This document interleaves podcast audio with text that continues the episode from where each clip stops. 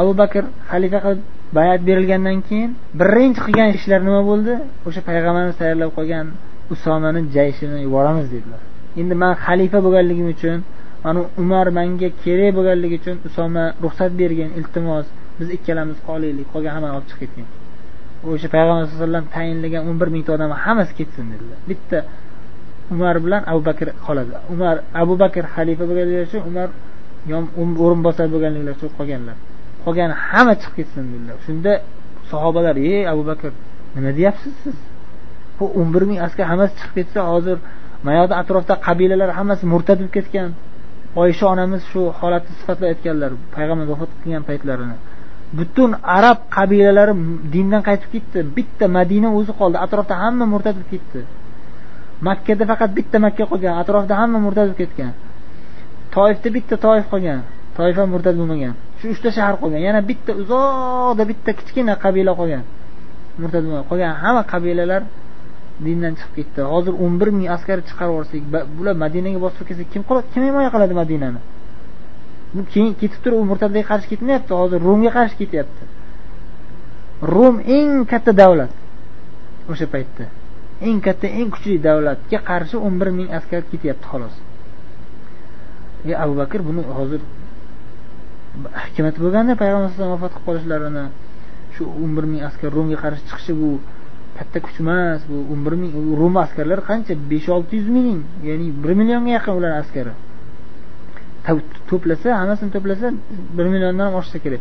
Lekin ko'pincha urushda ikki yuz ming uch yuz ming to'planardi rum askarlari. Qanday qilib ular bilan urusha olamiz biz? Deganda alloh taolo bilganmi bilmaganmi payg'ambar vafot qilishini dedilar. Alloh taolo bilgan payg'ambar vafot qilishini. Payg'ambar vafot qilishini bilib turib shu armiyani tayyorlab vafot qildirishligi hikmati yo'qmi? Shu armiya chiqarilishi kerak. Shu payg'ambar tayinlab ketdimi shuni? O'sha o'sha jaysh o'sha armiya chiqishi kerak o'sha jihodga borib kelishi kerak dedilarda. O'shani chiqarib yubordilar. O'n bir ming askar madinadan chiqib ketganini ko'rgan atrof qabilalar hammasi titrab qoldi. Hey bular biz hozir madinani bostiramiz desak madinadagilar rumni yiqitamiz deb ketyapti. Bu qanaqasiga biz madinaga kira olmaymiz bunaqada? Bularda juda katta kuch bor. Bizdan bekitib turgan juda katta kuch bor ekan bularda deb hammasi qo'rqib qoldi. Madinaga kirolmadi borib g'alaba qilib keldilar. Ya'ni g'alaba deganda urush bo'lmadi o'zi ular urushga chiqolmadi rumliklar. Urushga qo'rqdi bu usoma degani kelayotgan dadasi zayd ibn horisidan o'ch olarkan e, o'zi jihod qilaman deb kelyapti deb qo'rqib urushga chiqisholmadi ular. Keyin usoma qaytib kelganlaridan keyin murtadlarga qarshi jang boshlanadi. Murtadlarga jang boshlanish uchun bir qancha armiyaga bo'lib tashlanglar. Besh oltita tarafga yuboradilar. Bittasi bu tarafda sharq bittasi shimol bittasi janub bittasi g'arb hamma yoqqa jo'natadilar hamma yoqda qabilalar murtadib ketgan. Hammasiga borib o'shalarni itoat qildirasizlar islom davlatiga itoat qilish kerak. Bitta hamma musulmonlar bir bo'lishimiz kerak. Bir vaqtda hammasiga yuborganlarida qo'rqishdi yana sahobiylar hammasini eplolmaymiz hozir. Sekin sekin bitta bittadan qilaylik. Hozir mana zakot bermaymiz deganlarni chetga qo'yib turaylik. Keyin qilamiz bularni keyin itoat qildiramiz deganda yo'q dedilar. Biz zaif bular bizni zaif deb o'ylamasin biz kuchlimiz. Olloh biz bilan birga ko'rib qo'ysin bular bizni qanchalik kuchligimizni deb qattiq turdilarda hammasini yuboruvdilar. Alhamdulillah bir yil o'tmasdan abu bakr xalifa bo'lganliklaridan bir yil o'tmasdan butun jazira arab jazirasi hammasi islom davlatiga itoat qilgan. Hamma murtadlar qaytishgan dinga. Qatl qilinganlari murtad qatl qilib ketgan qolganlari tavba qilib qaytib kelib taslim bo'lishgan bayat berishgan abu bakrga. Keyin bir yil o'tgandan keyin rum iroqqa jo'natdilar. Holid ibn validni boshchiliklarida ko'proq holid ibn valid xizmat qilganlar o'sha abu bakr davrlarida. Bir yarim yil ikki yil o'tib ikkinchi yil ikki yil bo'lgandan keyin keyin abu bakr roziyallohu anhu ham vafot qiladilar. O'sha yarmuk g'azoti bo'lib turgan paytda vafot qiladilar. Yarmuk g'azoti o'sha hozirgi shom diyorida. Hozirgi e, falastin bilan iordaniya falastinga yaqin joyida. O'sha yerda holid valid boshchiliklarida bo'lib turgan jangda payg'ambar e, abu bakr roziyallohu vafot qiladilar. Keyin e, umar xalifa bo'lganlaridan keyin bu haqida o'tgan safarlar ham gapirdik. Hali yana kelsa kerak inshaalloh holid validni ishdan bo'shatib o'rniga abu ubayda jarroh bo'lsin deb buyruq chiqaradilar o'sha buyruqlarga itoat qilishib abu ubayda keyin boshqaradilar keyin butun shom diyori fath qilinadi. Keyin bu yoqda umar umar davrida faqat futuhatlar asosan. Bu keyin yangi tartib tartib intizomlar intizomlar umar davrida qo'yilgan ko'p. Ammo abu bakr davrlarida asosan murtadlarga qarshi jang bilan o'tadi. Vaqt ko'p shu bilan bo'ladi. va juda buyuk hikmatlar hozir keladi yana inshaalloh juda ajoyib qissalar abu bakr roziyallohu anhuni buyukliklariga islomga qilgan xizmatlariga dalolat qiladigan rivoyatlar عن محمد بن الحنفية رحمه الله قال قلت لأبي أي الناس خير بعد رسول الله صلى الله عليه وسلم محمد بن الحنفية bu kishi tobeinlardan ali roziyallohu anhuni o'g'illari faqat fotima onamizdan emas. Ali roziyallohu anhuni banu hanifadan bo'lgan cho'rilardan bo'lgan o'g'illari. O'shanga banu hanifadan bo'lgan ayoldan bo'lganligi uchun muhammad ibn hanafiya deyiladi. Hanafiy degani ya'ni hanifa qabila banu hanifa qabilasidan degan. Bu muhammad ibn hanafiya rohimaulloh hasan husaynga uka uka bo'ladilar muhammad hanafiya tobiinlardan hasan husaynga uka bo'ladilar va ahli sunna ulamolaridan hisoblanadilar juda buyuk hikmatli ahli ilm ulamo bo'lganlar muhammad hanafiya. Dadamdan so'radim dedilar. Abi, abi otamga ali roziyallohu anhuga aytdim dedilar. Rasululloh sollallohu alayhi vasallamdan keyin eng yaxshi inson kim? Javob qildilarki ali roziyallohu anhu abu bakr dedilar. Abu bakr payg'ambarimizdan keyingi eng afzal inson deb ali aytyaptilar. Ali roziyallohu anhu aytdilar. Abu bakr dedilar. Man dedim. U kishidan keyin kim eng afzal inson? Ali roziyallohu anhu javob qildilar yana umar dedilar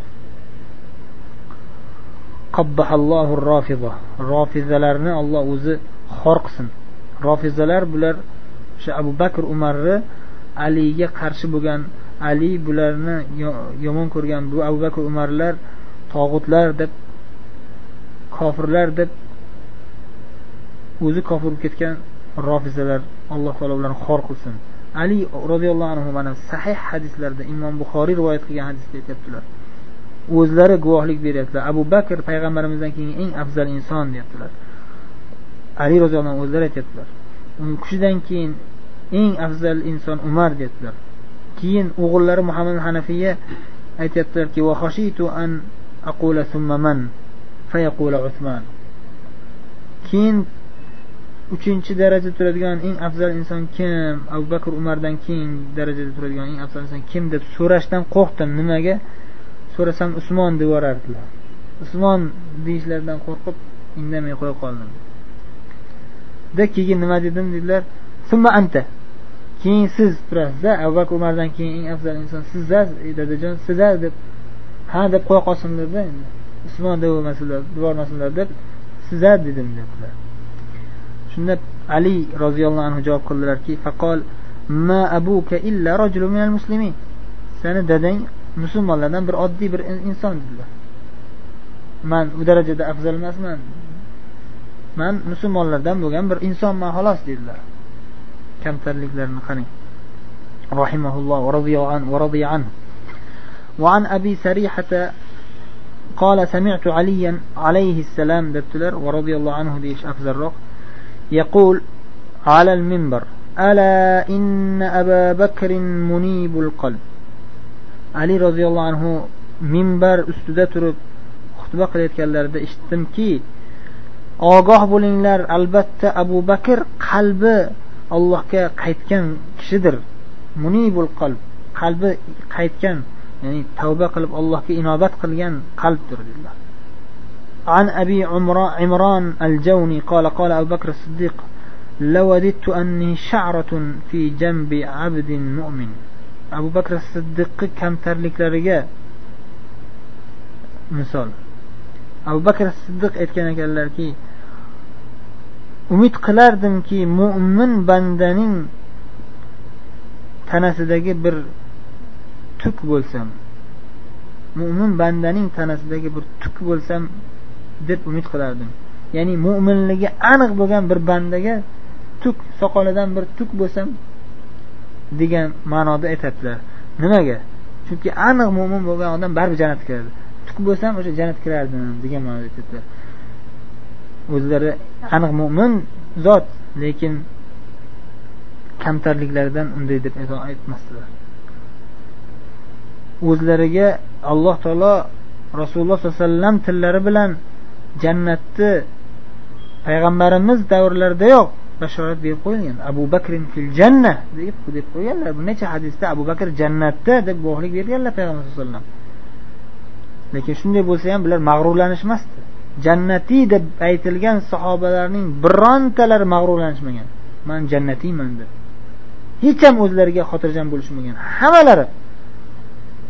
Ayniqsa shu jannatiy deb guvohlik berilgan buyuk sahobiylar o'zlarini munofiq bo'lib qolishdan iymonlari sodiq bo'lmay qolishidan juda qattiq qo'rqishardi vaholanki jannatiy deb bashorat berib qo'ygan bo'lsa ham shuning uchun mo'min kishi doim qo'rquv bilan va umid bilan yashash kerak عن الحسن رضي الله رحمه الله قال قال أبو بكر الصديق رضي الله عنه يا ليتني شجرة تعضد ثم تؤكل abu bakr siddiq aytarkanlarki qaniydi men bir daraxt bo'lsamu o'sha daraxt yiqitilib yuborilsa ya'ni qiyomatda savol javob qilinmasdan qiyomatdagi savol javobdan qo'rqqanlaridan shu narsa dedilar qiyomatda savol javobga tutilsam nima deyman? Allohni oldida qaysi yuz bilan turaman? Man qanchalik gunohkor insonman deb qo'rqqanlaridan qaniydi bir daraxt bo'lsamu savol javobga tutilmasam hisob kitob qilinmasam deb umid qiladilar haqiqatdan hisob kitob qilinmaydigan zot. Bu kishi jannatiy deyilgandan keyin to'g'ri jannatga kirib ketadilar inshaalloh roziyallohu anhu. وعن زيد بن أرقم رحمه الله قال كان لأبي بكر الصديق مملوك يغل عليه فأتاه ليلة بطعام فتناول منه لقمة فقال له المملوك ما لك كنت تسألني كل ليلة ولم, ولم تسألني الليلة؟ قال حملني على ذلك الجوع من أين جئت بهذا؟ قال مررت بقوم في الجاهلية. فرقيت لهم فوعدوني فلما أن كان اليوم مررت بهم فإذا عرس لهم فأعطوني. فقال أف لك كدت تهلكني.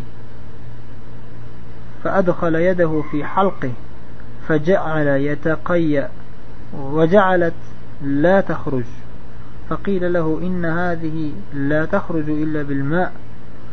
فدعا بعس من ماء فجعل يشرب ويتقيأ حتى رمى بها فقيل له يرحمك الله كل هذا من أجل هذه اللقمة؟ فقال لو لم تخرج إلا مع نفسي لأخرجتها. سمعت رسول الله صلى الله عليه وسلم يقول كل جسد نبت من سحت فالنار أولى به. أبو بكر الصديق رضي الله عنه bir qullari abu bakr siddiqqa taomlarini olib kelib turardi. Bir kecha taomlarini olib keldi. Shundan bir luqma yedilar. Bir luqma yeganlaridan keyin o'sha qullari aytdiki nima bo'ldi sizga? Har har kecha so'rab keyin yerdingiz. Bugun bu kecha so'ramadingiz. Qayerdan topib kelganimni yoki nimadan qayerdanligini asl tagini so'ramadingiz bu luqma ovqatni taomni. Shunda abu bakr javob qildilarki juda qattiq qornim ochib ketganligidan so'ramasdan yeyishga kirishuvdim. Esimdan chiqib qoldi shekilli degan ma'noda aytdilar. Keyin so'radilar qayerdan olib kelding buni? Shunda u kishi javob qildilar johiliyatda bir jamoa qavm bir guruh odamlar oldidan o'tganimda ularga dam solib qo'ygandim. Johiliyatda ya'ni dam solganda qanday? Qur'on hadis yo'q. O'zi bilgancha bir nima bir nimani degan nima degan xudo biladi. O'shanda manga shu dam solganingga senga bir mukofot beramiz deb va'da qilishgandi. Qarasam ularda to'y bo'layotgan ekan. Johiliyatda qilgan ishiga berilgan mukofotni endi olyapti.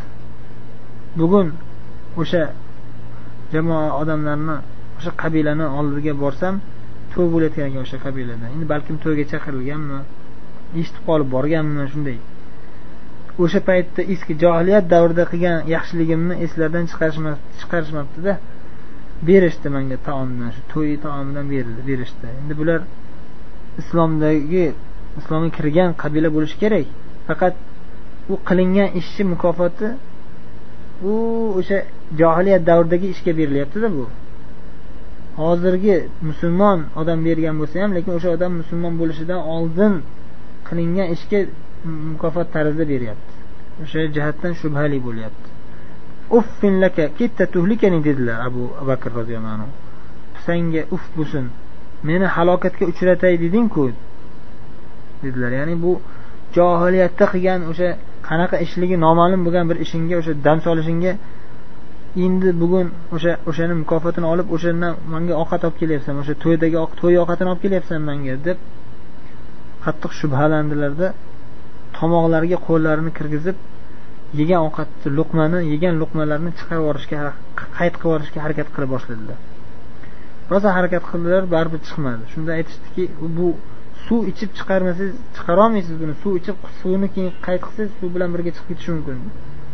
Deyishdi. Shunda bitta idishda suv e, suv olib keladilar. Shunda suv bir idishda suv olib kelishdi. Shu suvdan ichib qayt qilishga harakat qilaverdilar hatto o'sha luqma chiqib ketdi.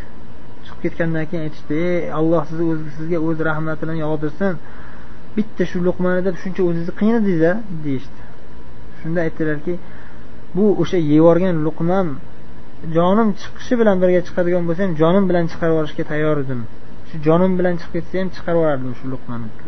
Chunki rasululloh sollallohu alayhi vasallamdan eshitganmanki qaysi bir jasad botil narsa bilan o'ssa harom topilgan narsa bilan harom bilan ozuqalantirilgan jasad do'zaxga tushishga avloroqdir deganlar. Harom bilan o'sgan haromdan ozuqa olgan jasad do'zaxga avloroqdir dedilar mana shu yegan luqmamdan mening jasadimdan bir biron bir qismi shu luqmamdan yegan luqmamdan ozuqa olib o'sishidan qo'rqdim o'sha mana shu yegan luqmam shubhali narsa shu harom bo'lsa shu suht bo'lsa shuni yeganligim tufayli biron bir jasadimdan biron bir qismiga ozgina ozuqa bo'lsa o'sha qism do'zaxga tushib qolishidan qo'rqaman deb qattiq qo'rqdilar shu shuning uchun chiqarib tashladim dedilar عن هشام عن محمد قال كان أغير هذه الأمة بعد نبيها أبو بكر يعني رواية tobiinlardan aytadilar mana bu ummatning payg'ambaridan keyingi islom uchun eng katta jon kuydiradigani abu bakr dedilar payg'ambardan keyingi darajada bu ummat ichida islomga eng qattiq jon kuydiradigan eng qattiq rashk qiladigan islomga ozgina zarra tegsa ham qattiq rashk qiladigan abu bakr edi muhammad ibn sirin rahimaulloh aytadilar لم يكن أحد أهيب لما يعلم بعد النبي صلى الله عليه وسلم من أبي بكر payg'ambarimiz sallallohu alayhi vasallamdan keyin bilgan narsasiga qattiq haybatlanib e'tibor beradigan kishi abu bakr edi. Eng qattiq haybatlanib bilgan narsasiga amal qilishga juda qattiq harakat qilib bilgan narsasiga amal qilolmasa qilolmay qolishdan qattiq qo'rqadigan odam abu bakr edi deb yana qays rahimaulloh aytadilar roitu abu bakrin axidan bi tarafi lisani va yaqul hada allazi awradani al mawarid abu bakr tillarini ushlab olib o'zlarini o'zlari malomat qilib mana shu tilim mani har xil joylarga olib kirdi mana shu tilim mani har xil musibatlarga yo'liqtirdi deb ya'ni tilim sababli tilimni tiyolmaganligim sababli ko'p musibatlarga kirdim deb jahllar chiqarkan o'zlaridan xafa bo'lib tavba qilib alloh taolodan qo'rqarkanlar chunki hadisda rasululloh rasululloh sallallohu alayhi vasallam aytganlarki وهل يكب الناس على مناخرهم في النار إلا حصائد ألسنتهم odamlarni burunlarini ishqalab do'zaxga kirgizadigan narsa bu tillarini to'plagan narsasi bu. O'sha tillari bilan to'plagan narsalari tillari bilan gapirgan gaplari sababli do'zaxga kirib ketishadi odamlar deganlar xudo saqlasin. Astag'firulloh va natubu ana shundan qo'rqar ekanlar abu bakr roziyallohu anhu. Vaholanki abu bakr roziyallohu anhudan ko'ra kam gaproq xudodan qo'rqadiganroq odam topilmaydi illo payg'ambarlar. Payg'ambarlardan keyingi eng qattiq taqvoli inson abu bakr roziyallohu anhu وعن ابن أبي ابن أبي مليكة رحمه الله قال كان ربما سقط الخطام من يد أبي بكر الصديق قال فيضرب بذراع ناقته فينيخها فيأخذه قال فقالوا له أفلا أمرتنا نناولكه قال إن حبي صلى الله عليه وسلم أمرني ألا أسأل الناس شيئا rahimahulloh abu bakr roziyallohu anhu tuyalarni ustida turganlarida tuyalarini urib yurg'izadigan o'sha xipchinlari tushib ketib qolsa tuyalarini bo'yniga urib engashtirib keyin o'zlari ham engashib yerdan o'shani qiynalib bo'lsa ham o'zlari olardilar. O'sha xipchinlarini tushib ketgan narsalarini tuyani ustidan o'zlari qiynalib egilib bo'lsa ham o'zlari olardilar. Yoki tuyadan tushib bo'lsa ham tushish kerak bo'lsa tushib bo'lsa o'zlari olardilar. Shunda sahobiylar yonlaridagi turgan do'stlari aytishardiki aytmaysin bizga shuni yonida turibmiz. Shuni siz tushmasizdan olib berardik. Shu o'zingizni qiynamasangiz ham biz shuni qo'lingizga olib berardik bizga hech qanday qiyinchilik bo'lmasdi deyishsa aytarkanlarki inna hibbi sallallohu alayhi vasallam meni eng yaxshi ko'rgan eng muhabbatli do'stim sallallohu alayhi vasallam ya'ni payg'ambarimiz muhammad sallallohu alayhi vasallam menga buyurdilar. Buyurdilarki odamlardan hech narsa so'ramas so'ramagin deb odamlardan hech narsa so'ramasligimga buyurdilar payg'ambar sallallohu alayhi vasallam degan ekanlar. Ya'ni hatto joiz bo'lgan muboh bo'lgan oddiy ishlardan ham taqvo qilardilarda. Mana shunga o'xshash. Toki o'sha tavhidlariga alloh taologa bo'lgan iltijolariga ozgina bo'lsa ham ta'sir qilib qolmasin deb. Bu haqida biz boshqa majlislardan birida ham aytgandik. Shunga o'rganishimiz kerak. Ya'ni iloji boricha odamlarga o'zimizni shaxsiy ishlarimizda yalinmasligimizga yalinmaslikka yoki odamlardan yordam so'ramaslikka o'rganishga harakat qilishimiz kerak. Faqat ollohdan deb ibn abbosga nasihat qilganlaru agar biror narsa so'ramoqchi bo'lsang faqat ollohdan so'ragin deganlar. O'shanga o'xshab sahoba ikromlar shunday. Nafaqat abu bakr roziyallohu anhu boshqa sahobiylardan ham rivoyat qilingan iloji boricha hech kimdan hech qanday narsa so'ramaslikka harakat qilishardi. Hech narsa so'ramaslikka harakat qilishardi deganda noto'g'ri tushunmaslik kerak yana. Ya'ni islom dinini o'rganish uchun yoki islom manfaatiga bo'lgan narsada albatta so'rash kerak. Lekin o'zini shaxsiy dunyoviy foydasi uchun odamlardan narsa so'ramaslikka harakat qilish kerak. Shu maqsad ya'ni. Bu haqida juda ham ko'p rivoyatlar bor. Salaf solihlarimizdan sahobalardan tobeinlardan buyuk allomalardan juda ko'p ajoyib ajoyib ta'sirli qissalar bor. Inshaalloh mana shu darsimizda sifat sohbada inshaalloh keladi. Mana shu qissalarni o'qishimizdan bizni maqsadimiz avvalambor ana shunday buyuk zotlarga chin qalbimizdan muhabbat paydo bo'lishi uchun. Mana shunday payg'ambarimiz hayotlarini o'qidik qisqacha bo'lsa ham payg'ambarimiz haqlarini bilaylik. Shu kishini siyratlarini o'rganib qanday yashaganliklarini o'rganib o'shanday bo'lishga harakat qilish o'sha payg'ambarimiz sallallohu alayhi vasallam qanchalik jon kuydirib shu ummatlari uchun qanchalik rahmli bo'lib qancha xizmat qilib ketganlarini bilsak qalbimizda shunga yarasha inshaalloh muhabbat paydo uyg'onadi. Shu muhabbat bilim bilangina inshaalloh biz najot topamiz. Shuning uchun e, payg'ambar ahabba deganlar. Kim kimni yaxshi ko'rsa o'sha bilan birga bo'ladi deganlar. Agar biz payg'ambarimizni yaxshi ko'rmoqchi bo'lsak payg'ambarimiz siyratlarini o'rganishimiz kerak. Batafsil o'rganishimiz kerakki qanchalik ham juda ham buyuk qilgan xizmatlarini islom uchun taqdim etgan buyuk xizmatlarini bilamiz. Va o'shanga yarasha keyin inshaalloh qalbimizda juda buyuk muhabbat paydo bo'ladi va shu bilan inshaalloh birinchi qadam tashlagan bo'lamiz. Ikkinchi qadam o'sha zotga o'xshashlikka harakat qilishimiz kerak bo'ladi. Va payg'ambarimizdan keyingi boshqa sahobalaru e, boshqa islom buyuk ajdod ulamolari buyuk ajdodlarimizni yo'llaridan yurishimizga inshaalloh harakat qilishimizga sabab bo'ladi shularni hayotini o'rganishimiz. Alloh taolo o'zi gunohu kamchiliklarimizni kechirsin. Imom azam abu hanifa rahmatulloh alayhi aytarkanlar. Ko'p fiqhiy masalalardan ko'ra o'sha buyuk solihlarni siyratlarini o'rganish menga suyukliroqdir derkanlar. O'shaning uchun ham biz mana shu darslarimizni ikki kunini shu kitobdan o'qib boryapmiz. Alloh taolo o'zi hammamizga ixlos va haqiqiy taqvo nasib qilsin. سبحانك اللهم وبحمدك نشهد أن لا إله إلا أنت نستغفرك ونتوب إليك. السلام عليكم ورحمة الله وبركاته.